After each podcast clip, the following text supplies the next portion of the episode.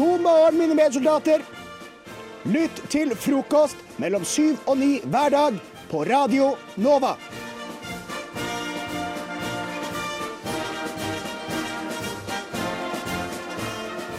Jeg har gitt meg selv et oppdrag i livet. Min last å bære er at jeg skal finne den beste funfacten om alle temaer i hele verden.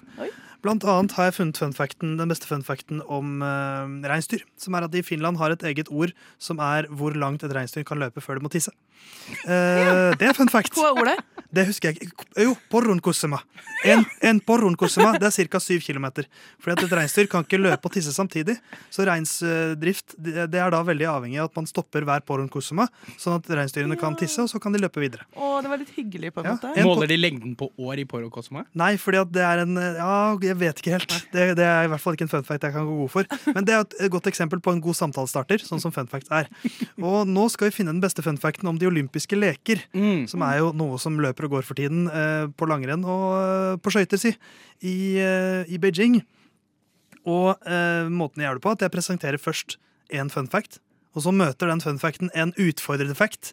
Som da skal se hvem som får fun fact-tittelen med seg til neste runde. Vi skal gjennom en haug med runder, og så er det da Aleksander Alexander og Mari her som bestemmer hvilken uh, fact som vinner hver runde. Så dere har på en måte definisjonsmakten her. Jeg bare presenterer. Men har du fun fact-checka uh, fun fact dette? Nei, jeg har bare fact-checka det. Bare så jeg har bare med egentlig uh, seks facts, og så får vi se om dere syns det er fun. Ja, eller hvilken sånn dere det. syns er mest fun. Fun er subjektivt. Fun er subjektivt, og dere er de subjektive dommerne. Første fact handler om uh, den på en måte mest feilslåtte eh, byen som har prøvd å være med i OL. Fordi at Hvert OL så må man jo, en by må legge inn en søknad, og det er mange som har søkt mange ganger. Noen treffer på første forsøk. Los Angeles har prøvd ni ganger, fått det tre ganger. Men den byen som har uh, prøvd flest ganger uten å få det en eneste gang, det er Det kunne vært det, men det er De har prøvd syv ganger, fått den null ganger, og det er Detroit. Detroit. Ja. Hyggelig, da. OL i Detroit. Det er på en måte Det klinger. Den- Det det, klinger det, fint. jeg tror i hvert fall Alex syntes det var fun. Veldig, veldig fun. Herregud, vi, har, vi kan Hvor ikke skal begynne Som jeg sa, så er fun subjektivt. ja, det, kan, det kan ha vært sommer-OL, vel å merke. Ja, ok. Men, uh, men, men dette var bare første fakten, så vi må videre her, altså. Uh, og nå skal vi til uh, en svenske. Hans Gunnar Linjenva, Li, eh, Liljenvall, vanskelig å si. Eh, han drev med moderne mangekamp, hvor det annet er da pistolskyting med som en av, en av grenene. Han var den første utøveren noensinne som ble diskvalifisert for doping i OL-sammenheng. Og det var fordi han drakk to øl for å roe nervene. Åh, nei. Eh, og, da fikk, og da vurderte det slik at da ble han for Det var en unfair advantage. Så han ble eh, diskvalifisert, og Sverige mistet medaljen der. Så det er spørsmålet, Er det den beste facten, eller er det Detroit som er den beste fun facten av de to? Altså, jeg tror jo Alexander har bestemt seg alt. jeg, jeg, jeg liker å tenke at de jeg, jeg, jeg har lyst å tro at Chicago hadde lyst på vinter-OL, så jeg har lyst til å la den gå videre. Det var Detroit. Ja, Detroit med det. Men eh, da er du enig, Mari? Er Jeg er, egentlig, jeg er egentlig ikke enig, Du men, kan- men du, du fikk så massiv respons her, så jeg tror bare man la den gå. Da lar vi den gå, og så sier vi at Detroit er favoritten foreløpig. Dere kjenner jo til denne fakkelstafetten som vi liker så godt, som tilhører hvert OL, som begynner i Aten. Og så løper de liksom med fakkelen, som er liksom én flamme som skal brenne hele veien til OL, og så tenner man ilden. Det var nazistene som begynte med det. Nei. Oi. OL i 1936. Tyskerne de var de første. Det var første gangen det ble gjennomført. Det var til nazi-OL i Det er ikke 1936. Er, det morsomt? Det Var det, var det masse bøker nede i den flammen eh, der hvor de kunne nesten vært det. Da var det, jo, da var det jo på en måte ikke et folkemord-OL enda, men det var et propaganda-OL til Hitler. Mm. Eh, Så da er spørsmålet er det en bedre fun fact at det var nazistene som fant opp denne vakre flakkerbæringen, eller at eh, Detroit ikke har fått det til på syv forsøk? Nei, det må jo være Det, det må jo være fakkel... Altså, at dette her liksom fortsatt er en greie etter det. Ja, faktisk. det, At det altså, jeg vet ikke om det er så fun, men Nei. eh, det er i hvert fall en fact. En god fact. Det er en Ja. god fact. Kuriositet. Men det kommer vi langt med. Da dunker vi Detroit ut nok en gang. De klarte det ikke denne gangen heller. Men nazistene de vinner nok en gang. Men de har, ton, de har noen utfordrere. Og vi skal til nazistenes største fiende, nemlig Russland. Eh, For i 1908 så skjedde noe litt rart under OL i London. Da kom den russiske troppen tolv dager for sent. Fordi at de brukte fortsatt den julianske kalenderen og ikke den gregorianske. Så da kom de tolv dager for sent. Det er morsomt. Men- Den, den må videre. Ja, for du, du vil heller ha den videre enn nazist. Er det nok en gang at russerne slår ut nazistene? Sånn som Ja. de gjorde i 1945. Da sier vi det kjapt. Ja. Russerne går videre. Her er ikke for sent ute. Vi har uh, to facts igjen. Den neste handler om at tautrekning det var en eh, sport. I OL i 1912 da var det Sverige som vant, foran Storbritannia. Ingen vant bronse, for det var bare to lag med. Åh. Det er fun. Er, det er, Ja, men, er, men er den fønnere enn de treige russerne? Det virker nesten sånn. Ja, Ja. den er funnere. Kan jeg bare spørre, Var det Russland som skulle være det tredje? Men da var det for tidlig, fordi at de kom overkompenserte. Nei, eh, men da har vi foreløpig Mesterfacten er altså at, eh, at eh, tautrekning var en eh, olympisk gren. At det bare var to lag med. Vi har én siste fact. Så er spørsmålet er det denne fakten eller er det, Sverige, eller er det tautrekningsfakten som vinner. Usain Bolt vet dere hvem er. Ja. Han er jo fortsatt i historiebøkene som verdens raskeste mann med, med 9,58 på 100 meter. Det går, da går unna. Men han har jo tatt noen OL-gull. Um, han var i Beijing i 2008 i ca. ti dager, i liksom totalt i lekene der. På de, da, ti, de, de ti dagene så spiste han ca. 1000 chicken nuggets. Ja, en sulten mann. Og på, han sier at dagen han tok? OL-gull, så sov han til klokka 11, satt og så på TV, spiste litt chicken nuggets, sov to timer, eh, og spiste litt flere chicken nuggets. Så stod, dro han og tok OL-gull. Jeg trodde idrettsutøvere hadde sånn megastrict eh, kosthold. Jeg tror de har det, men på sånn konkurransetider da er det bare sånn spis det du Ja. vet funker. Ja, okay. Ja. Men Så da spiste han altså 1000 chicken nuggets på ti dager. Er det en bedre fun fact enn at uh, tautrekning var en gren i 1912, at Sverige tok gull foran britene, at ingen tok bronse fordi det bare var de to som var med? Jeg, jeg syns at tautrekning skal vinne, Ja, også fordi enig. hvilke nasjoner som var Ja. nummer én og to. Da sier vi det som det er, at den beste funfacten om de olympiske leger, det er at i 1912 så var tautrekning noe så rart som det. Det var en olympisk gren. Det var to nasjoner som deltok, Sverige mot Storbritannia, og det ble svensk gull. Ingen tok bronse. Har du registrert denne fjelltoppen din, Cap? Frokost. Jeg har med min smarttelefon opp på gamle godrøret. Pip. Nå går jeg ned. Nede. På Radio Nova. Ingen dansker i studio, så vidt jeg vet. Jeg heter Theis. Det er et ganske dansk navn. Mari, du har også et Mæ. Det er kanskje ikke, Mæ. Det er kanskje ikke så dansk. Alexander. Det funker på Det dansk. klinger Ja, for det passer så bra med sånn Mombo Ja. Uff a meg. Men vi skal faktisk ikke til det danske riket. Vi skal til det himmelske riket, nemlig himmelriket. Eh, For jeg kom over en artikkel på nrk.no som vekket meg litt. For jeg er litt sånn, begynner å snuse litt på boligmarkedet igjen. eh, For å lete litt etter neste bolig jeg skal bo i. Og så fant jeg da følgende overskrift. Ole Martin, 26 og samboeren, kjøpte kirke. Herregud, hva har vi gjort? Ja, det lurer jeg jo på. Eh, for det er da Ole Martin og André som var lei av å bo trangt i Oslo, og nå skal ei kirke de fant til salgs på finn.no, bli deres nye hjem. Og da er jo det første jeg tenker, hva i alle dager gjør man når man skal innrede en kirke? Isoler Ja. først.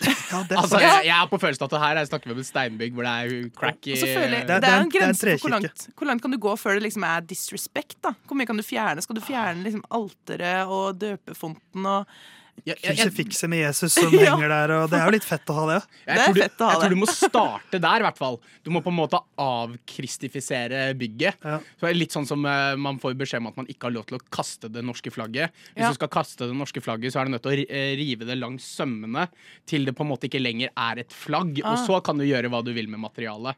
Så jeg tror det er det du må gjøre med kirken her. Du må delikat eh, avkristifisere ved å ta ned og respektere korset. Og kanskje få med Lilly Bendris inn til å litt sånn derre Det er er det det heter sånn, de, eh, sånn der røkelsesgreie som de går med i, i ja. Vatikanet for å liksom avdemonisere mennesker. det er jo akkurat det de gjør i Vatikanet når de går rundt med den. Men- altså, de må vaske det med vievann. Ja. Eller antibac. Eh, men for det, det første jeg tenkte, var jo at det er jo en del av kirken som heter Våpenhuset. Og da tenker jeg at jeg har lyst til å ha et eget rom med bare masse våpen. Du har lyst til det, ja? jeg har lyst til å kjøpe en kirke nå bare for å kunne ha et rom med sånn pil og bue og sverd. Og, Men du kan ha det i et vanlig hus òg, Theis. ja, men da kommer PST på døra. Ja. Men hvis jeg har, bor i en kirke, da kan jeg si men det er bare våpenhuset mitt. Ja. Det, jeg bruker jo det til det som det egentlig skulle bli brukt til fra gammelt av. Hadde du beholdt orgelet? Å, nå snakker vi!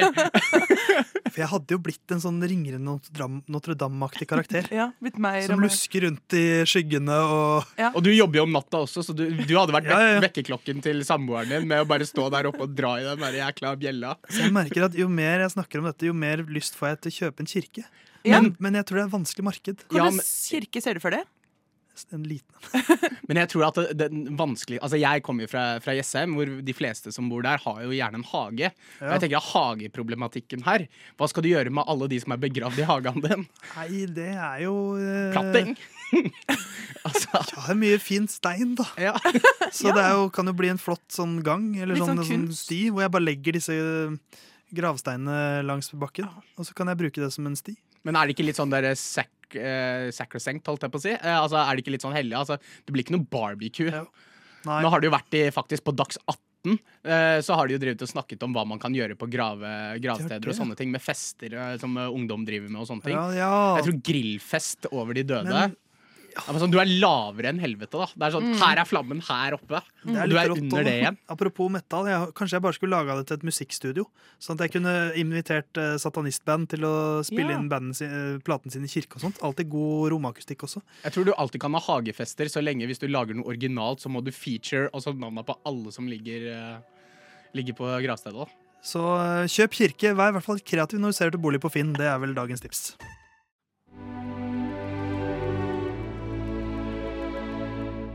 Mine herrer, vi stanser ikke før det blir natt. Hva med frokosten? Dere har allerede spist den. Vi har hatt én, ja. Men hva med den andre frokosten? Jeg tror ikke han kjenner til den andre frokosten, Pip. Hæ? Hva med formiddagsmat, lunsj, ettermiddagsmat, middag og kveldsmat? Han kjenner til de, gjør han ikke det? Jeg vil ikke regne med det. Han har nok bare hørt om frokost på Radio Nova. Pippin! Passende toner for å sende oss til det universet vi skal nå. Jeg elsker adjektivhistorier. Det gjør meg nostalgisk og glad, for det får meg til å tenke på barnebursdag. Og så elsker jeg Ringenes herre, som er også noe som gjør meg nostalgisk, men også som bare gjør meg glad generelt. Og da tenker jeg, hva hvis jeg kombinerer disse to, oversetter til norsk, og gir på en måte Ringenes herre-scener litt ny eh, vri? Som jeg har gjort nå. Jeg har bedt Alexander og Mari og meg selv om å lage en liste med adjektiv hver på ca. 15-20 adjektiv hver, og så har jeg kitta disse inn i en norsk utgave av en Ringenes herre-scene. Og Den scenen vi skal ta for oss nå, den stammer fra første filmen i trilogien til Peter Jackson, hvor vi er helt i starten, og denne trollmannen Gandalf han ankommer The Shire, hobbsysselet, der hobbitene holder til. Og vi møter Frodo og Gandalf i denne scenen. Vi har en her som spiller Gandalf, det er deg, Mari. Det stemmer. Og du, eh, Alexander, er klar til å være Frodo. Jeg er klar for eventyr! Nydelig. Og jeg kommer til å være fortellerstemmen som setter scene, så da tenker jeg at vi reiser til Middle Earth. Slitne blomster spretter opp blant ugunstig gress. En manipulerende figur sitter i gresset og leser en bok. Langt borte høres den vakre lyden av hest og kjerre, og en pirkete røst som synger. Den flate veien går alltid videre, ned fra døra der den startet slitt. Figuren i gresset spretter opp. En flamboyant hobbit med magisk hår og stinkende øyne løper av gårde. Hesten og kjerra stopper idet hobbiten når en liten bakke ved veien. Hobbiten utbryter dehydrert. Du er fallesaktig! Et raskt svar kommer fra en skjeggete mann med forståelsesfull hatt. En trollmann er aldri fallosaktig, Frodo Baggins. Ei heller er han eh, forstuet. Han er nøyaktig så menneskelig som han ønsker. Blikkene møtes et øyeblikk før de begge bryter ut i klistrete latter.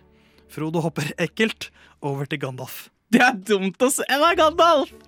Du, du trodde vel ikke jeg ville gå glipp av din pinglete onkel Bilbos bursdag? Hesten drar kjerren med trollmannen og hobbiten gjennom et gusjegrønt landskap, preget av bløte hus under bakken og like radikale hobbiter.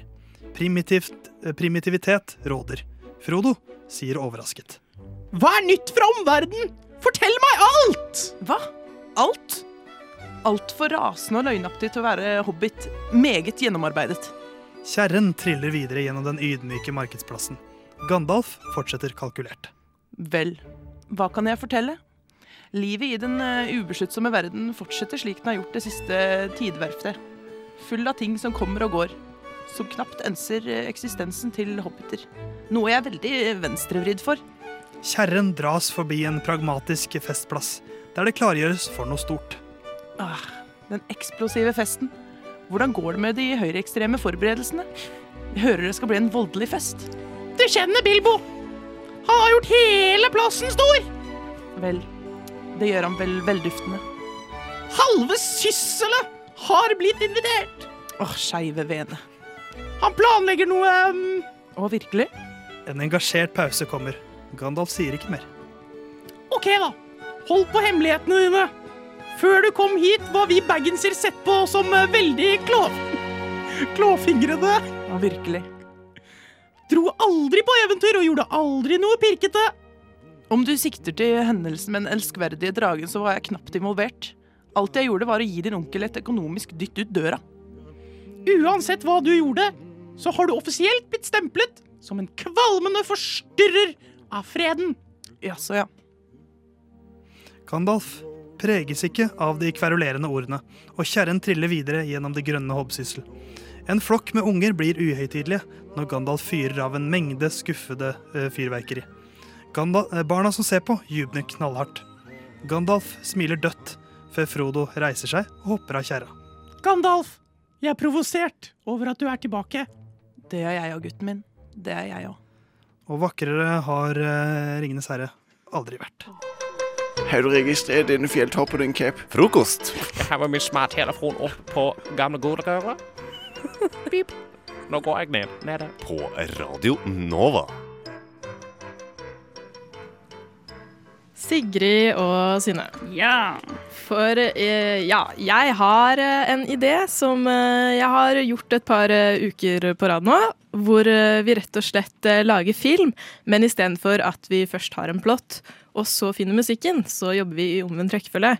Ut fra musikken, hører på den, og forteller plotten ut ifra det vi føler. Du er en pioner, altså. Virkelig. Banebrytende greier. Takk, takk. Ok, Så eh, det jeg tenkte, det er at eh, vi kan jo eh, basere vi- kan jo velge oss en person og et sted før vi starter. Så er det kanskje litt lettere Ja, lettere med plottet. Så har vi juksa lite grann, da. Em, så sist gang så var det Petter Var det Petter Stordalen? Ja, det var Petter Stordalen som var i New York. Og så Typisk Petter Stordalen i New York. Typisk Petter Stordalen i New York. Um, og som uh, han uh, Nå husker jeg ikke helt hva som skjedde, men vi kan jo fortelle videre om Petter Stordalen i New York, hvis dere vil det. Absolutt. Det kan vi godt. Det høres ut som en eh, god film nummer to. Ok, Film nummer to av Petter Stordalen i New York, Let's go. Har du lyst til å starte, Sine? Skal jeg bare prate i vei om hva som skjer? Liksom? Hvis det passer til musikken. Petter Stordalen i New York, uh, The Redemption eh, Day, uh, er tilbake. Og denne gangen har Petter Stordalen fått nok av å være en riking som skal utforske verden og finne ut av de store problemene og hvem som egentlig styrer ting som skjer. Nå skal Petter Stordalen finne verdens beste donutsjappe. Og i den forbindelse, Sigrid Tusler han altså da ut i gatene, glad og fornøyd, helt til det plutselig senker seg et rart lys over hele Central Park. Eh, spooky, spooky stemning og veldig eh, doggete rundt i gatene. Og alle rundt han ser plutselig ned i bakken. Og New Yorker er jo ikke så veldig hyggelig i utgangspunktet. Men i dag ser de ut til å ha fått noe virkelig ekkelt over seg. Han eh, går mot donutsjappa som han tidligere har sett seg ut på vei til Wall Street. Og der det vanligvis var neonlys og musikk og pene damer bak disken, er det nå kølsvart inne i lokalet, og alle donutene ser plutselig muggen ut. Men Petter, han rusler inn likevel og sier eh, til kvinnen bak disken Lukter det muggareller? Oi, oi. oi, Så kommer det massevis av, massevis av kyllinger som lager masse klukkete klukkelyd. Masse robotkyllinger som ikke helt veit hva som uh, skjer. Oi, oi. Hør på Kyllingarmeen! Og Petter Stordal sier å ja, det er kyllingmatbutikken, ja. Jeg trodde det var donutsjappe. Men her er det bare kyllingmat som ser litt ut som mugne donuter. Uh, og han blir angrepet av kyllingene, fordi kyllinger liker ikke Petter Stordalen. For Petter Stordalen han lukter antikyllingmiddel. Det har han alltid gjort, for han er veldig redd for at kyllinger skal bryte seg inn i superskurkeleiren hans og spise hans donuts. Uh, og vet du hva, nå ble jeg helt satt ut, jeg nå. Det ble faen meg Petter også. Em, heldigvis så kommer det en uh, veldig litt for ung, søt jente som ser at Petter står utenfor kyllingmatbutikken og føler seg ikke helt så, som seg sjøl. Og så sier hun det ser kanskje ut som, som om du trenger en donut. Og så sier Petter sånn Ja, det har jeg drømt om hele mitt liv. Og så sa hun Nå skal jeg vise deg butikken med alle donuthullene og alle donut-tingene. Så du tusler dem sammen gjennom Central Park. Den andre sida for å vise at Petter hadde bare gått til feil side av Central Park. Den lille tullingen. Han har jo aldri hatt retningssans. Fort gjort. Og den lille jenta som var 15 år, sier eh, tar ham med dit, og Petter frir med en donut som ring. Eh, og han får lov til han er rik til barnebryllup, heldigvis.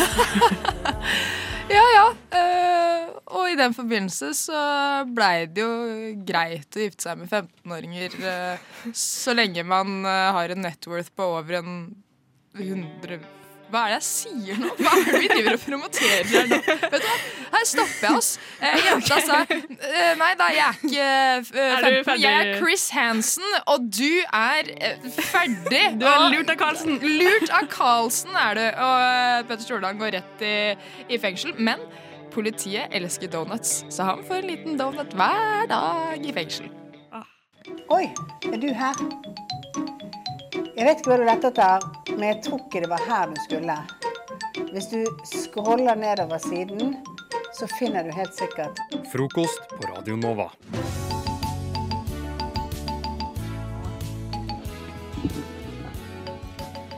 Ja, Ja. da har eh, Jonas Gahr Størs eh, sagt på... Jeg på funny.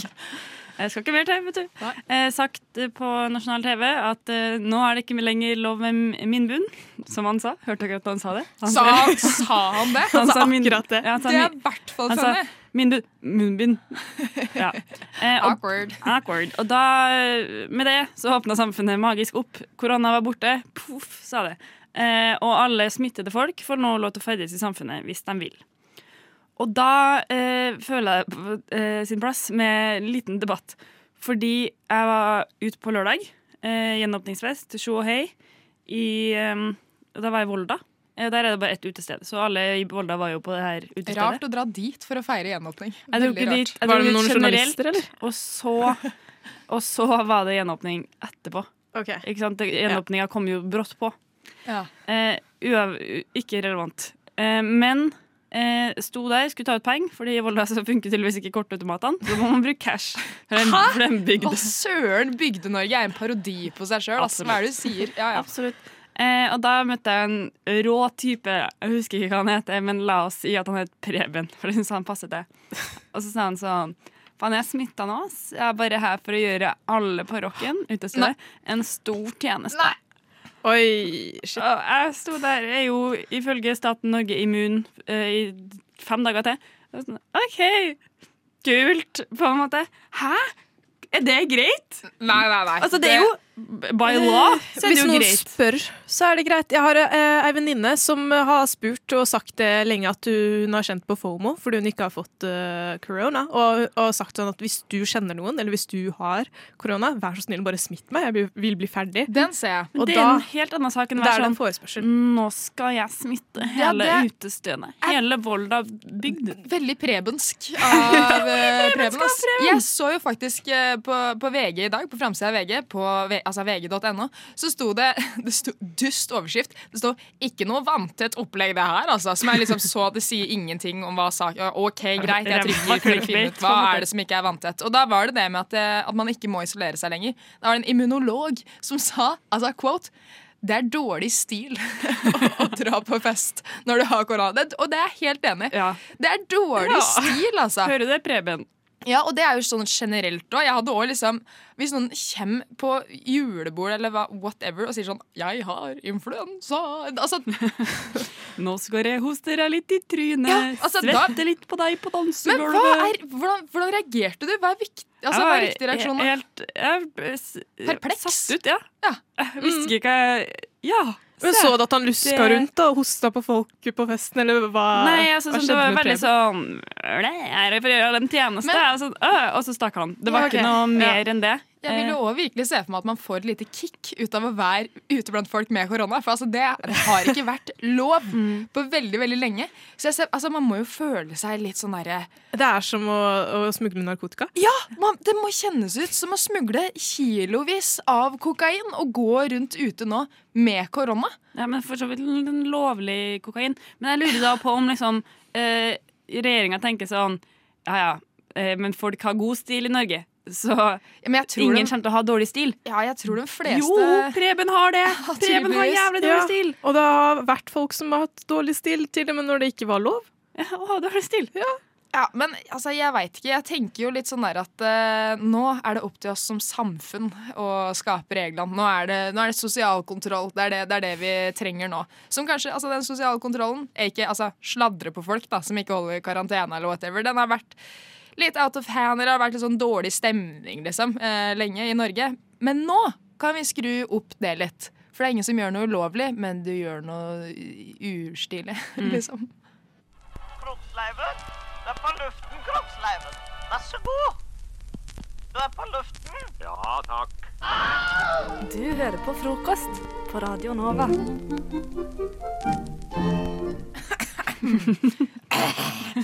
Ja, jeg, jeg er jo surkle i dag, jeg. Eh, Jeg tilbyr jo eh, ypperlig ASMR for den som liker snørr og gøgg og dritt og faen i eh, øret sitt.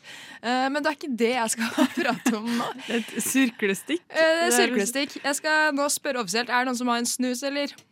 Har ikke, vet du. Mm, Nei, det Nei. visste jeg. Uh, det, hvis det er en lytter som er i nærheten av Majorstua, uh, som har lyst til å komme hit og gi, gi meg en prell, som noen kaller det, gjør det. Uh, for det jeg skal prate om nå, er at Synne, du må laste ned Snus Brothers. Også. Jeg må laste ned Snus Brothers. Det er en ekte app? Jeg vet ikke om det er en ekte app, men jeg har sett den i Hvite gutter. Noen burde jo lage en ekte app av det, altså stjele den ideen. Eh, Men kanskje folk er redde for søksmål, jeg veit ikke. Men jeg driver og slutter og snuser, da. Eh, det Går mine... ikke så jævlig bra, eller? Nei, det gjør jo aldri det. Jeg har aldri møtt noen som sier at jeg driver og slutter og snuser, og så spør man går det bra, og så sier man ja. Det har jeg aldri opplevd. Men greit, altså, jeg er ikke noe sånn Jeg er ikke en storsnuser fra helvete, liksom. Jeg er ikke det. Eh, Men jeg er eh, en som mener at jeg blir mer produktiv når jeg snuser. Jeg føler jeg er mer meg sjøl når jeg snuser. Jeg har eh, dype, mørke psykiske problemer som jeg sliter med, men Og dype, mørke lommer i overleppa. si det, faen. Og Glass som spretter opp i huden Ja, og altså Hvis du tar opp i overleppa mi, så tror jeg at du kan Du treffer øyebrynet mitt. Liksom. Ja. Men jeg hadde et nyttårsforsett i år som lyder som følger. Slutte å snuse i én måned i løpet av året. Det er mitt uh, Ikke, ikke nyttårsforsett. sette seg altfor høye mål. Nei. Ja, men det er jo lurt, det. da. Ja, men nå skal dere høre her. Det, jeg har uh, big brain uh, logic, som man ville sagt i USA, bak det her. Det er det at, som nevnt, jeg føler helt seriøst at det å snuse det gjør meg mer kreativ, eh, og jeg jobber bedre med skole. Jeg fokuserer bedre når jeg kan ta meg en snus, for da koser jeg meg litt, ikke sant? Ja, nå Når jeg, det er sånn, å, nå har jeg lyst på en snus, mm, men det er forbeholdt når jeg jobber med noe smarte greier. Ah, ja, Få sette meg og jobbe med noen smarte greier, da. Ikke sant? Så gjør jeg det, og så tar jeg meg en snus. Veldig smarte greier. Men samtidig så vil jeg ikke være en som snuser. Hvis, det, hvis noen har lest boka som heter Atomic Habits det er en sånn veldig, veldig kjent og gudeerklært selvhjelps- eh, ja. rett og slett, som prater om det her med hvordan man skal avvenne seg vaner, eller få vaner. Så er eh, et av konseptene er at du må identifisere deg med folk som gjør det. At man er en snuser, eller at man ikke er en snuser. Og jeg har funnet ut at jeg vil ikke være en snuser. Jeg syns det er kulere å ikke være en snuser. Uh, fy faen, hvor var jeg nå? Oppe i regla?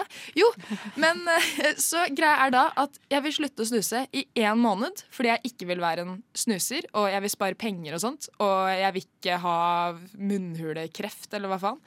Men uh, hvis jeg da, etter den måneden, ikke syns at jeg har jobba så bra kreativt, hvis jeg ikke har vært like produktiv, da er det klarsignal til å fortsette å snuse. Mm. Så jeg vil bare sjekke. Jeg vil få til én måned der jeg ikke snuser en gang i løpet Men er av det, året. er det denne måneden? Nei. Svaret her er nei. Men et, Nei. Et nei, det er det. Ikke spør meg om det, Sirik. Og aldri spør meg om det igjen, for jeg hater hvis jeg skal svare nei hver måned eh, fram til desember. Og jeg hater i hvert fall hvis det kommer til å skje i desember, for det er Det er tøft måned å å ta Siste seg liten, fjerne en hammock habit. Ja, det er sant. Men Anna, storproblem med det her da, er jo at eh, jeg tar jo ikke med meg snusbokser eh, hit og dit.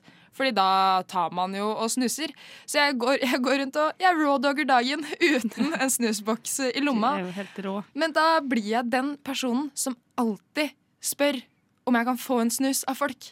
Og jeg hater å være den freeloaderen, så jeg har begynt å vippse folk. Jeg spør liksom folk i klassa som jeg ikke kjenner så godt nødvendigvis, som jeg har liksom bomma en snus av da for fjerde gang da, på, på ei uke.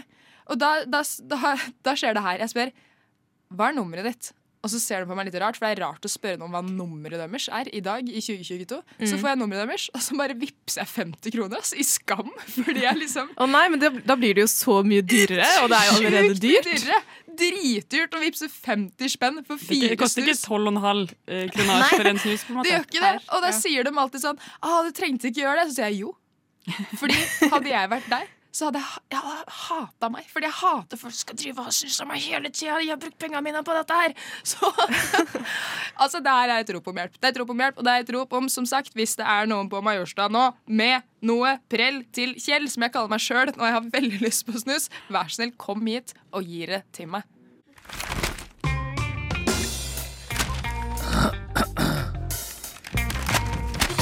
Dagens aviser.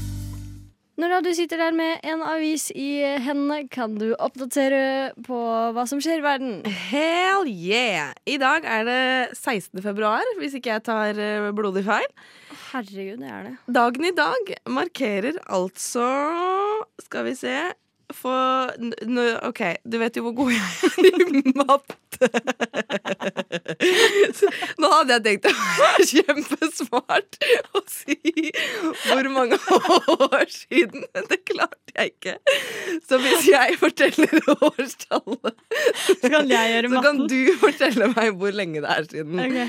For i hvert fall på denne dagen i 1923 Eh, ja, det er jo 90 nesten 99 100 år siden. Ja, jeg kom dit til slutt, da. For 90 Herregud, så ræva.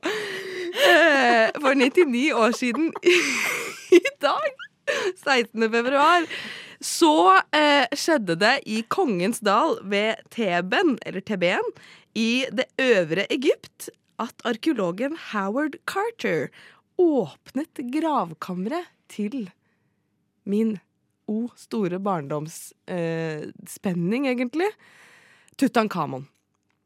Har du hørt om Tutankhamon? Eh, nei, det høres ut som en hattifnatt.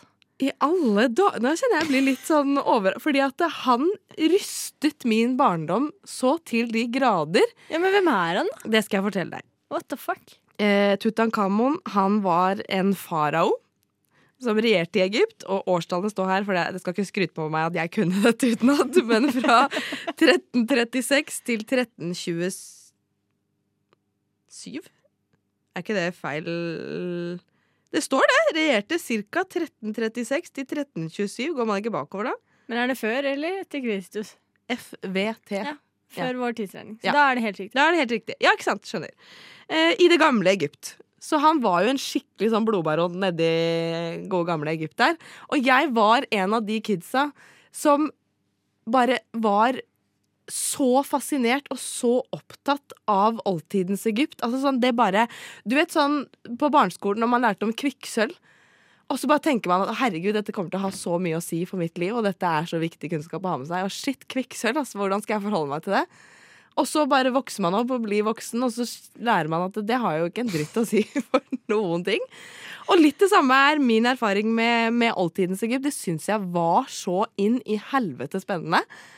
Og så har jeg blitt voksen, og så bare forholder jeg meg ikke til det lenger. I can't relate. Ikke det hele tatt. Nei. Vi jeg har- møtt flere likesinnede som, er, som, er, som bare var helt sykelig opptatt av disse tingene. Men husk at jeg egentlig er sykelig opptatt av ingenting. Nei, det er sant. Du, ja, nei, det er helt riktig. Det er ikke så mye som er viktig for deg. Jeg har ikke interesse. Nei, det er sant.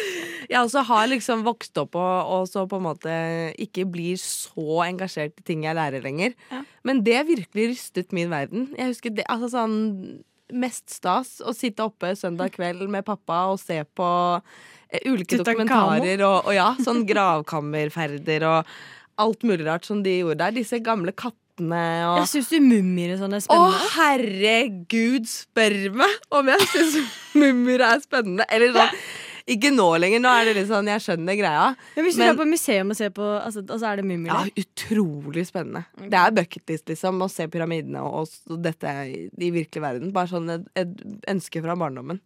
Utrolig spennende. Jeg husker, altså, sånn, når jeg lærte dette om hvordan man mumifiserer, og den prosessen der at de putter sånn pinne oppi nesa og rører til hjernen renner ut av nesa og sånn. Herregud, tenk å få den kunnskapen når man er åtte år gammel. Det er ikke rart det setter seg fast. Jesus Christ. Det er jo helt sjukt. Ja, det er helt sjukt. Veldig Altså at du har denne interessen. Det visste jeg ikke om det. Nei, da lærte du noe nytt. Radio Nova. Nora, vi så jo på Euphoria i går, em, og snakket om hvor mange sånn dumme Altså, alle karakterene bare er duster, liksom. ja, nå Assholes. er det drit for hele leiren. Ja, ja, ja. Over hele linja. Ja, så er det, det bare er bare dritt, dritt, dritt. søppel, og alle har det jævlig, og det er bare Å, fy faen, ja, det druknes i dritt. Det er nettopp det. Ja. Så jeg tenkte at vi skulle bruke tre av disse drittkarakterene til å finne ut uh, fuck, marry, kill. Oi! Spennende. Spicy. Yeah, spicy. Så uh, de tre karakterene jeg har tatt med til deg i dag, Oi, shit, eh, det ja. er Cassie. Ja. Den er god. Dritt. Nate. Og Cal, faren til Nate. Nei. Å, fy faen, for en cocktail av whack. En rekecocktail av søppel. Søppel, ja. Altså Shit, men, Men det, de men det, er en god, det er en god fuck, marry, kill. Jo, Det er, eh, den er bra. Den er den i går sove. Ja, den, eh, den, den, den It raises the difficult questions. Ja, den sparker, vil jeg si. OK, la oss bare hoppe ut i det. Jeg lå, altså, seriøst, jeg lå, så, da, jeg, da jeg ikke fikk sove i går, så lå jeg og tenkte på det her. Det var, jeg kom ikke fram til noe Den er, den er brutalt vanskelig. Eh, bare sånn at det alle de har ræva personlighet, tar ræva valg. Men de er jo er De er jo eh, estetisk vakre mennesker, da. De er flotte. Det er det. Eh, hvem er flottest? Liksom Men det er sånn etter episoden i går, for eksempel. Jeg har alltid tenkt sånn Nate er kanskje den flotteste. Han er Å, fy flate faen. Han, Men han er er jævlig vakker. babyface. Nja Men i går så var han jo bare psykopat. Men Han er klin kokos bananas sjuk i huet. Altså Ja, jeg, jeg ble litt I går, i den ene scenen skal, Jeg skal prøve å ikke spoile sånn kjempemye, men det er en sekvens der som var ubehagelig å se på, hvor han bare tar det nok en gang til et nytt nivå og er så jævlig. Jeg hadde Altså, vært sånn- redd hvis jeg hadde møtt han i virkelig Når han klarer å gjøre at man får sympati med Maddie, så blir jeg sånn Godt jobba. For det er ikke bare bare. Hats off to you, Ja. mate. Ikke, ikke verst. Nei, okay, han men, eh, er vi, må starte med en, eh, vi må starte med en Ja, eh, May, Mary. Med Oh, fuck. Eh, Nei, Mary. Nei. Vet du hva? Eh, jeg sier Mary Jeg sier Mary Cassie. jeg. Jeg tror hun er eh, den i subbirdinga der som er eh, Som jeg kunne på en måte kanskje ha levd med hvis jeg måtte det. Mm. At vi Vi hadde klart å skape en, en levbar relasjon, tror jeg. Ja, jeg tror hun hadde irritert dritten ut av meg. Ja, og, ja, bare den dumme sutringa å gjøre seg sjøl til et offer etter du selv har oppført deg som et rasshøl, er jo liksom Det syns jeg er vanskelig å forholde seg til. Jeg hadde vært mye sinna på henne, men samtidig så er hun ikke farlig. Mm. For det er det jeg tenker Hadde jeg skulle vært gift med en av de andre, så hadde jeg vært redd for livet mitt. Ja, det er en risikoanalyse du gjennomgår nå. Ja liksom. det, er, ja, det er nettopp det. Så hun tror jeg liksom jeg hadde turt å leve med sånn. Det hadde vært dritt, eh, men Men ja, masse utroskap og faens oldemor. Men eh, ja, ja. Vi hadde, jeg hadde i hvert fall ikke vært redd for å dø. Så det Godt er noe. poeng. Mm. Så er vi da Da mangler vi fuck og kill. Yeah, bro. Eh, Der må jeg bare si Altså, det, det skal Cal ha. Han er en flott mann, men han er gammel. Ja. han er eh, vakker, han, men samtidig Altså, det er en grunn til at Nate er så sjuk i huet som det han er. Det er fordi Cal er hans far. Så det vil jeg tolke den retninga at roten til all vondt. Til alt vondt. Så da velger jeg å Ja, jeg fuck Nate og, og kill Cal. Endelig svar. Takk for meg. Altså, ja. Jeg trenger ikke å ringe en venn.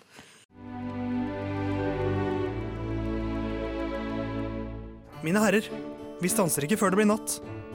Hva med frokosten? Dere har allerede spist den. Vi har hatt én, ja. Men hva med den andre frokosten? Jeg tror ikke han kjenner til den andre frokosten, Pip. Hæ? Hva med formiddagsmat, lunsj, ettermiddagsmat, middag og kveldsmat? Han kjenner til de, gjør ikke det? Jeg vil ikke regne med det. Han har nok bare hørt om frokost på Radio Nova. Pippin!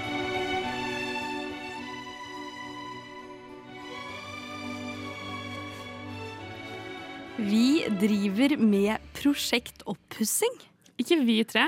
Nei, vi hyggelig. hjemme i mitt Det kollektiv. Det er et heftig kollektiv. Anniken hadde klart seg to uker, tror jeg. Maks. Det er lenge. Det tror jeg også.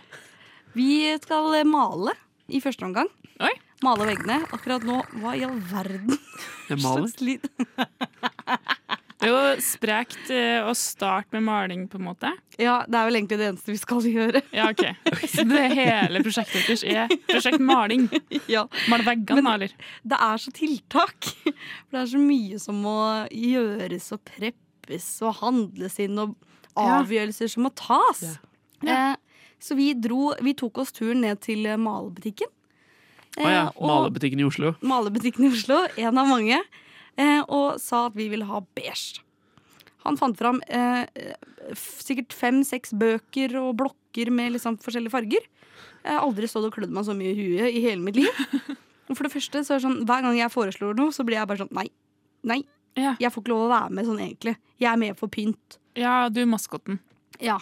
Men maskot Maskotten som jeg er, så går jeg i prat med han fyren som står i malbutikken malebutikken. Ganske -hmm. kjekk kar. Men eh, jeg står og prater med han mens de andre tar avgjørelser. Eh, og så spør han på slutten om han kan få min Snapchat. Så, ty Bam! så tydeligvis så ble han sjarmert. Han ble sjarmert av at du ikke fikk være med og bestemme. Ja. Dette er en jeg kan kontrollere, tenker jeg. Lett å ha med å gjøre. Ja. Men, men, øh, men Det har jeg ikke tenkt på Ikke for å rive deg ned, altså, det du var så fornøyd. Det var jævlig fornøyd, men, Men- nå setter jeg spørsmålstegn Men ved hva, alt. ga du han Snapchatten din? Jeg er ikke vanskelig å be. men hvordan vet du ikke hva han heter, da? Eh, for han hadde noe sånn rart navn på Og han Snapchat. het sånn Mr. Cowboy Nei. 90, 99. Shit, nå vet jeg hvem Anniken er i vennelista. i hvert fall. Mr. Cowboy 99. Nei, men jeg var eh, fryktelig fornøyd, så det, det er tydeligvis riktig det de sier, da. At man må ut av huset for å møte folk. Jeg er helt fascinert. Nei, nei, for det har jo aldri skjedd før. At du har vært ute av huset? Har du aldri blitt sjekka opp sånn eh, Ikke- ikke- fysisk på den Ikke fysisk, det var ikke meninga å si det. Men, Oi, oi, oi. men sånn på eh, out- Når du er out and about Nei, ikke Oslos på, gater. dag, ikke på dagen. Nei. Men nå skal jo det sies at det er en sjelden, en sjelden gang. Kan jeg få lov til å melde en ting? Ja. Som er, handler ikke om deg, det handler bare om meg. Og som er, Det høres ut som skryt, men det er egentlig, det er egentlig ikke det. Nå vet jeg Jeg har, jeg har blitt sjekka opp mer under pandemien med munnbind på enn jeg har pleid å bli uten munnbind, og jeg tar det, Det kan jeg som forstå. ekstremt backhanded. Jeg hadde også på munnbind når du sier det. Ja, ikke sant? Man blir, hvorfor blir man mer Det er så trist, det. Det er så trist Det er litt- når, det er noe mystisk når med det, Når halve ansiktet mitt er dekket, ja da! Men hør, Er det interessant? Det kan jo ha noe med dem å gjøre også. Fordi Hvis de også har på munnbind, så føler man seg på en eller annen måte litt sånn beskytta. Du er ikke helt naken. Ja. Du er liksom litt skjerma, da. Så kanskje du får litt mer selvtillit og tør å gønne litt mer på enn du vanligvis gjør. Ja, ikke sant? Kan jeg bare si at uh, Mr. Cowboy99 det er Barat Chandra på Snapchat. Han ser ganske kjekk ut basert oh, på men da vet vi hva han heter, han her eh, Barat. flørten til Lotte. Barat. Skal jeg si dere noe annet gøy? Ja. Har du ikke prata? Han var modell. Nei. Og jeg har prata med han tydeligvis, men det så jeg ikke før eh, jeg våkna opp dagen etter bursdagen min. Oh, ja. Ja, når du Og husker ikke noe. Har. Har han svart? jeg tror jeg har skrevet 'jeg skal komme'. Oi. Nei, han- nei, nei. Yeah. han spurte om jeg ville komme. Altså, Halla, Veronica Maggio. og så har jeg sagt 'ja, jeg kommer', og så har jeg dratt hjem og lagt meg. Wow. Ja, men det her kan jo bli noe ordentlig stort, Lotte. Ja. Jeg har trua. Du Du Du hø hører på. på Radio Nova. Jeg har det med å gjøre ting som ikke er helt i tiden, og for en måned tid siden så var jeg i noe som er helt utdatert nå, som heter karantene. Flaut. Og da var jeg innelåst i eh, min eh, lille hybel, eh, uten så mye kontakt med folk, i fem dager. Det der er et skremmende konsept for meg. Ja. Deg aleine med dine egne tanker. Ja, ikke sant? Alene lenge. Og da, nemlig, og da gikk jeg blant annet glipp av noen sendinger, eh, eller en sending med frokost. Ja. Så da spilte jeg inn noe lydklipp. Et lydklipp hver dag. Som jeg tenkte Da har jeg laget, litt, laget litt innhold til lufta. Som en kalender. Ja. jeg hørte på et klipp eh, for et par uker siden. Men nå har vi altså et eh, klipp klart fra Sander i fortiden. Jeg har ikke hørt på det siden, oh, så jeg faen. aner ikke hva jeg kommer til å si. Eh, så kan vi ikke bare kjøre på? Flotte, flotte frokostvenner. God dag, God dag. god morgen og god natt. Jeg er nå på min andre dag i karantene. Snøen laver forsiktig ned over Oslo by, som frem til 1925 het Kristiania. Tenk litt på det. Tenk på det, da. I dag, denne tidlige morgenen, så lurer jeg rett og slett på Hvordan kom folk seg opp før vi hadde mobiler, før vi hadde vekkerklokker? I dette vintermørke Norge. Hvordan sto man opp? Når visste man at man skulle sette på radioen og høre på frokost, f.eks.? Når visste man når man måtte stå opp og dra på jobb? Hvem var det som tok ansvar for alt dette? Kjære venner, svar meg på det, og husk å begrunne svarene deres og sette to streker under endelig fasit. Oi, oi, oi. oi. Ja. Det klikka litt. Det klikka litt. Ja. Men det er jo Mentalt eller lydmessig? Nei, Begge deler, egentlig. Ja. Det er jo ikke det dummeste spørsmålet jeg Nei, har for dette har jeg faktisk lurt på lenge, og jeg blir enda mer engasjert av at jeg stiller det, tør å stille det på lufta. For åssen Hæ? Åssen Jeg skjønner det ikke. Når Nei. jeg ser på Emil og sånn, hvem er det som Når du ser på e-bil? Emil i Lønneberget. Det Ja. var den første gamle dager-serien jeg kom på. Var det ikke sånn haner og sånn, da? Jo, men det var jo ikke haner i Oslo. Nei, det var det ikke. På den tida altså, man hadde ikke en hvis man skal- i hver leilighet. Hvis man skal tilbake til da. før vekkerklokka oppsto, det er ganske mange år siden, Ja. eh, så tror jeg at du fant liksom sånn eh, det, Det var var ikke, det, var ikke, det var ikke hver mann sin hane, men det var hver mann sin nabo med en hane. Every man his cock. Som Breakfast eh, snakker om akkurat nå. I England. Ja, på. BBC Radio eh, 1. Å ja. Ja. Nei, men, men, Men jeg tror men konseptet jo- vekter, de, de sa jo Gikk jo rundt og slukka Sendte lys og sa når man skulle legge seg, holdt jeg på å si. Var de med å vekke nå? Vekter, kjenner dere til konseptet? Nei. Ja, Gjensidige-logoen.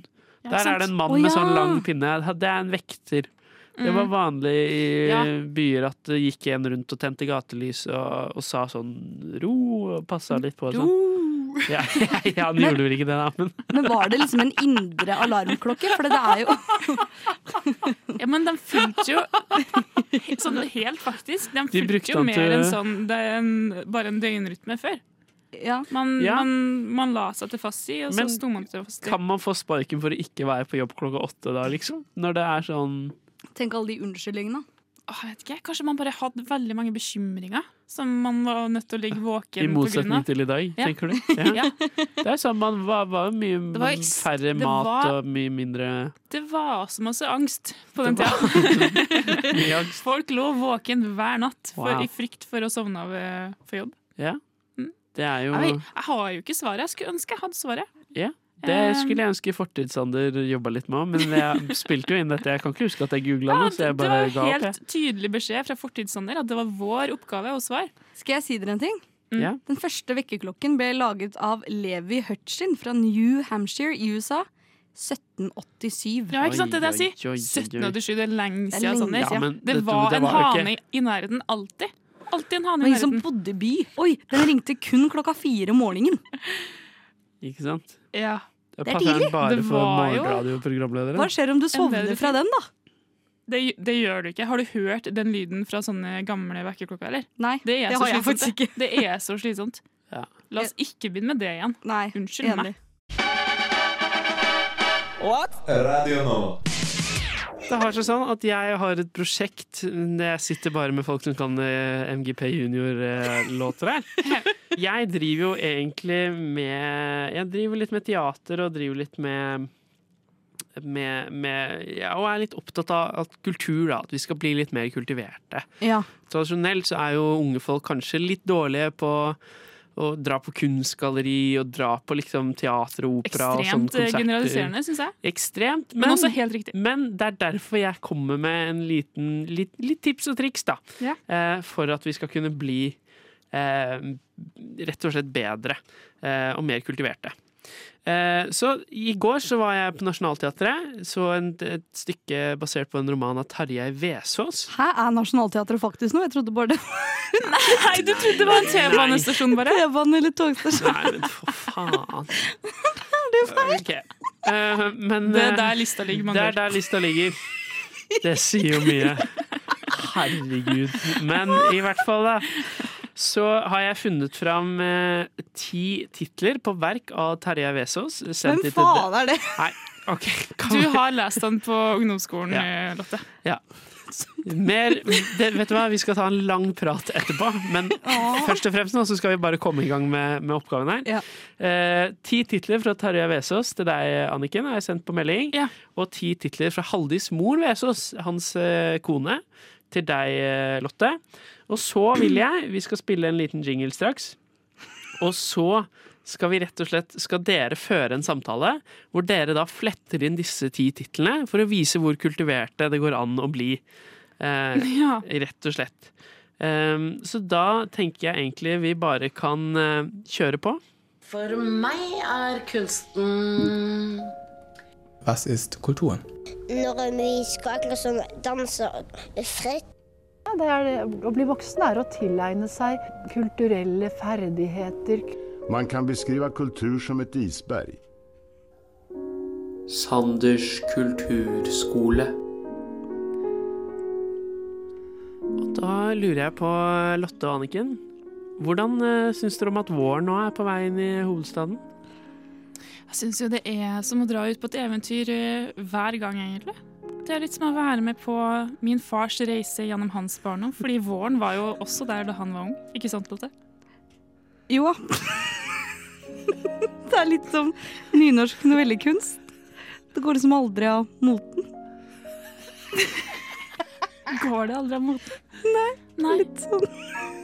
Det er jo på en måte noe av det mest eh, Mest fundamentale med å være menneske. Mange vil kanskje kalle det et menneskebånd. Jeg hadde følt meg så nær deg. Så nær meg? Ja. Og herlighet. Det er jo Jeg kjenner at vi ikke helt er på bølgelengde, fordi jeg hadde nettopp tenkt å stille deg et ultimatum. Åh, det er litt som harpe og dolk på samme tid. Heim! Sorry, det var, bare, det var bare meg, en kvinne, som roper heim. Ja ja, er det det livet er verdt? Nei, det er klart, det er jo, det er jo verdt mer enn som så. Men ehm, Nå er det bare ord over grinden her.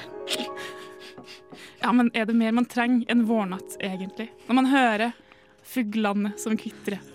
Over Gudefjellet? Ja, eller bare over huset i mørket. Tidlig på våren? Ja, og så kommer vinteren, da, med det flotte, flotte isslottet. I en annen skog? Skogen, ved sjøen, livet ved strømmen. Det hørte minte meg om eh, framande dikt fra 4000 år. 4000 år. Det eneste som fantes i det her landet for 4000 år siden, ja, det var huset og fuglen. Ja. Hyggelig å møte deg òg. Wow! Snakkes neste vår, da. Vi får se. Det var jo kjempenydelig. Å, det er det verste jeg har vært på hele mitt liv. Kultivert og vakkert. Det kom seg. Det kom seg. Det kom seg.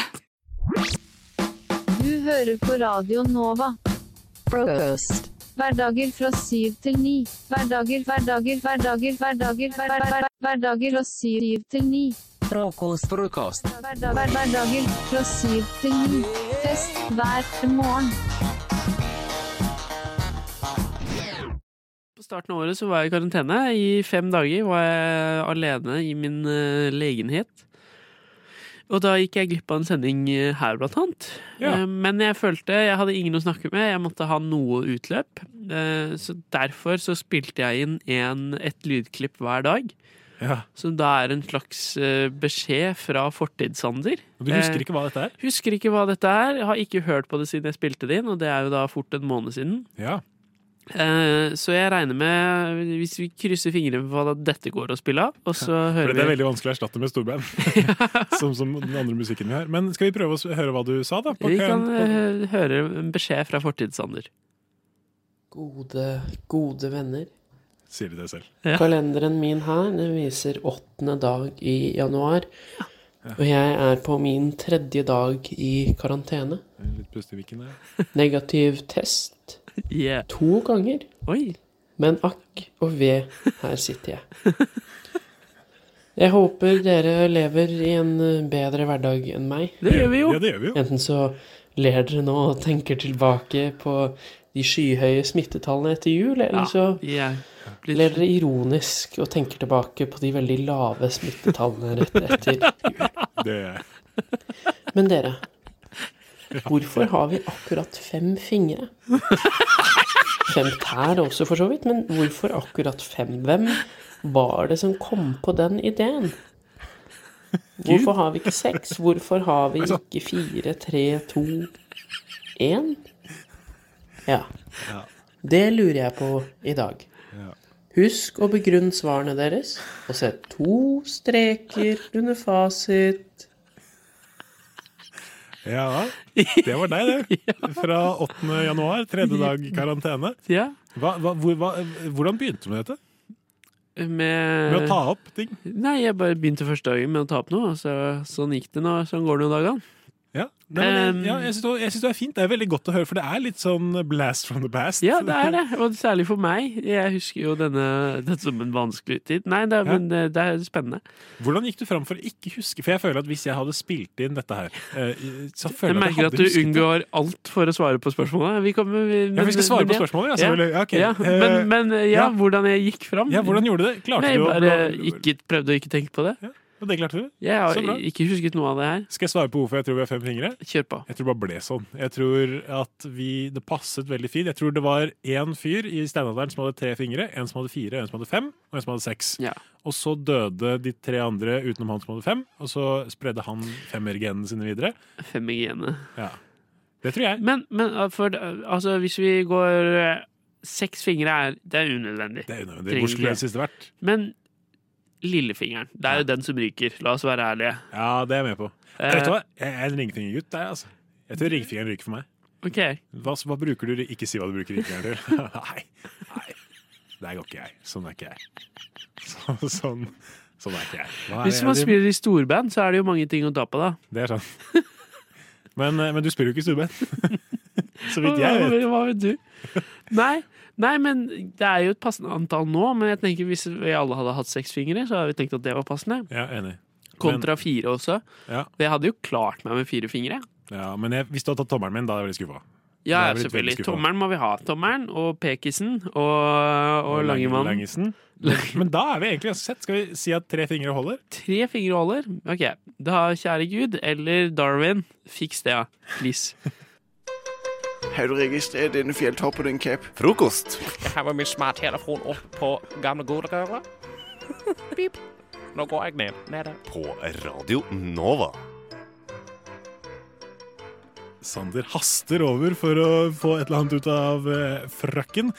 Det er deg og meg, Sander, som skal ha dette evinnelige bakkefinnespalten. Du har jo hatt litt agg, vil jeg si, mot dette, denne praten her eh, foregående uker. Jeg har det. Jeg, vi har jo holdt på med dette i et halvt år nå snart. Jeg har vunnet én gang. Det var vel siste gang jeg var Det med. tror jeg. gang, ja. Hva fant du da? Uh, hva fant jeg da?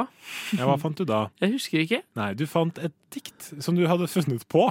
Eh, så du fikk for Ja, ja, ja! kreativiteten. Jeg skrev et dikt, for jeg fant en følelse Ja. som jeg tok med. For det bare var is Det blir, for, det blir for forfattersk meg, for meg. Jeg Ja. synes man må finne mer konkrete ting. Du slapp unna med det da, du slipper ikke unna med det nå. Jeg Nei. ser på deg hardt og blunker ikke for å gni inn det poenget. Du blunka nå. Men uh, den er grei. Ingen av lytterne så det. Hva har du funnet? Jeg har, Vi begynner med meg, ja. Jeg har funnet uh, Og jeg er også Jeg er så dårlig til å se etter ting generelt, og jeg glemmer det så mye. Nettopp. Men i går kveld, i natt strengt tatt, så fant jeg en lita brun flaske. Og jeg skal bare unnskylde hvis dette er noe narkotikumutstyr, men det er en liten brun eh, Ah. Underberg. Nei, Underberg det er jo, det er jo alkohol. Det er jo gode gamle eh, sprit selv, det. Ja. Underberg. Så Er en bitte sånn liten brun flaske, fem centimeter høy. Det har vært plass til en liten kork på toppen der.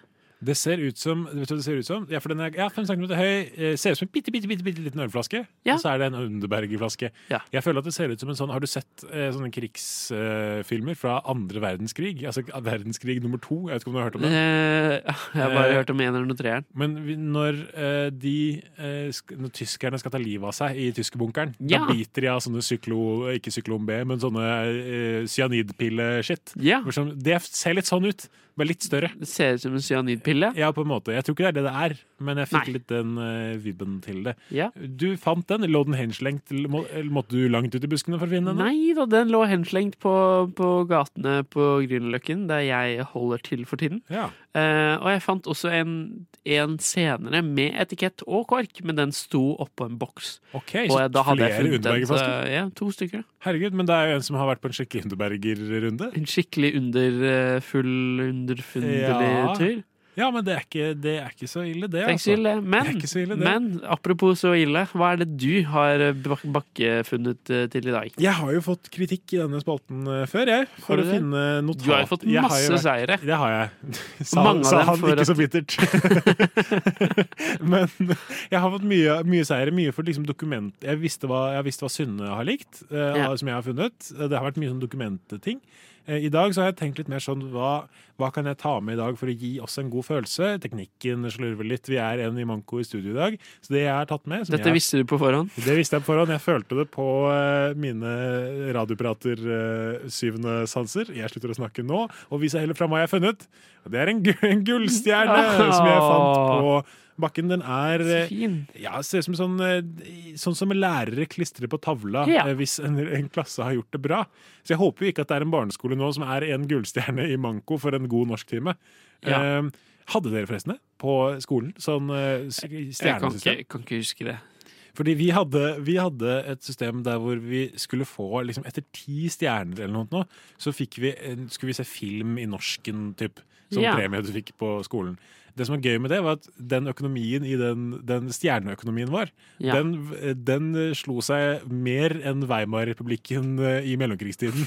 Fordi vi hadde noen vikarer som ikke helt skjønte hva konseptet her var. Så vi fikk sånn fire stjerner på en time og sånn, fordi de Nei, skulle være nei. de kule vikarene. Så vi fikk ikke film hele tiden. Helt til lærerne sa at vi ikke fikk det. Så hyggelig. Hva er beste filmen du så på barneskolen? Beste filmen jeg så på barneskolen? Jeg så Titanic. Eh, Spennende den- barneskolefilm. Ja. Den er ikke så gæren, altså. Jeg tror kanskje vi til og med valgte den. Vet du hvorfor vi valgte den? Fordi den var lang. Ja. så vi, vi kunne ta mange eh, norsktimer av det. Jeg tror vi så Ja. brukte to norsktimer. Så jeg fikk litt sånn Memory Lane-følelse av denne gullstjernen. Jeg Ja. syns jo selv at den på en måte Du har en tomflaske Underberger, jeg har en gullstjerne. Jeg føler jeg kunne, hvis vi nå skal Mm. ned på plata og bytte dette inn i eh, for eksempel gull, da. Hvor mye gull får du kjøpt med din lille Underberger-flaske? Eh, en klump? Jeg vet ikke. Altså, det er vel Hvor mye gull? Ja, for det- Hva slags tåpelig spørsmål er det? Det tror jeg er sånn gullhandlere gjør det også. Du, en klump gull, takk. ja, men det, det, jeg føler gull er jo en sånn eh, greie du måler Hvor mange gullballer ba, Ikke gullballer. Gullbarer kunne du fått for den flasken her. Jeg tror Det er jo null, men det er jo null på deg òg. Nei, jeg tror jeg kunne bytte den her opp mot en eh, ja, 0,0000134 gullbarer. Men jeg vet ikke hvordan vi skal hva, jeg, dette. tror, jeg tror ikke noen av disse tingene hadde vært gode nok for Synne. Jeg tror Nei. Synne hadde vunnet, uansett hva hun hadde hatt. Det er typisk at Synne vinner. Skal Ja. vi bare si at Synne vant? Synne vant. Eh, og så prøver vi oss på, på en låt som ikke er storband. Og hvis, du, hvis det da smyger seg inn et storband i bakgrunnen der, det er ikke lov til å si. Men hvis det skulle gjøre det, kjære lytter, så vet du hva som er grunnen. Vi prøver oss, vi krysser fingra. Ja da! Å, det er deilig. deilig. Savner storband allerede, men Hey baby, hey, hey beautiful girl. Frokost er best i øret.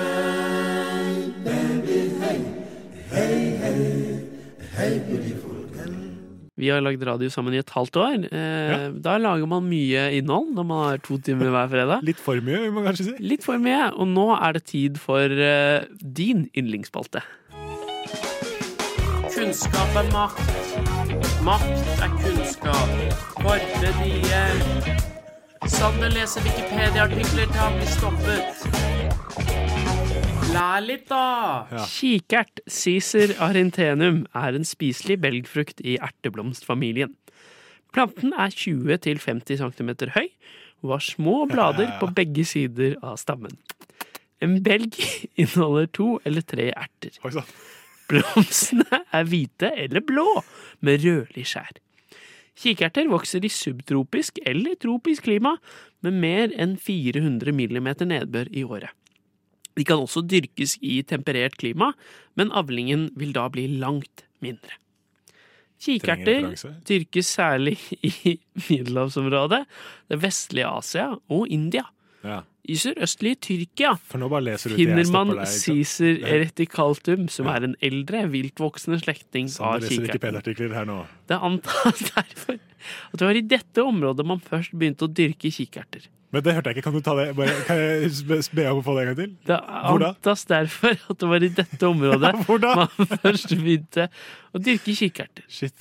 Modne kikerter kan brukes i salater, stuinger, males til mel, i indisk matlaging laging. Dritt. Det er et dårlig program. Vi er et dårlig program. er dette kjent som besan. Hakkes og frityrstekes i boller som falafel, røres sammen og bakes som farinata, kokes og moses til hummus, eller ristes og Jeg krydres skal som koke og mose deg til hummus, din kødd. Nå holder det.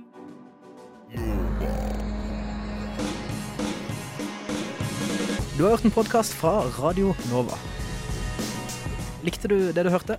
Du finner flere podkaster i iTunes og på våre hjemmesider radionova.no.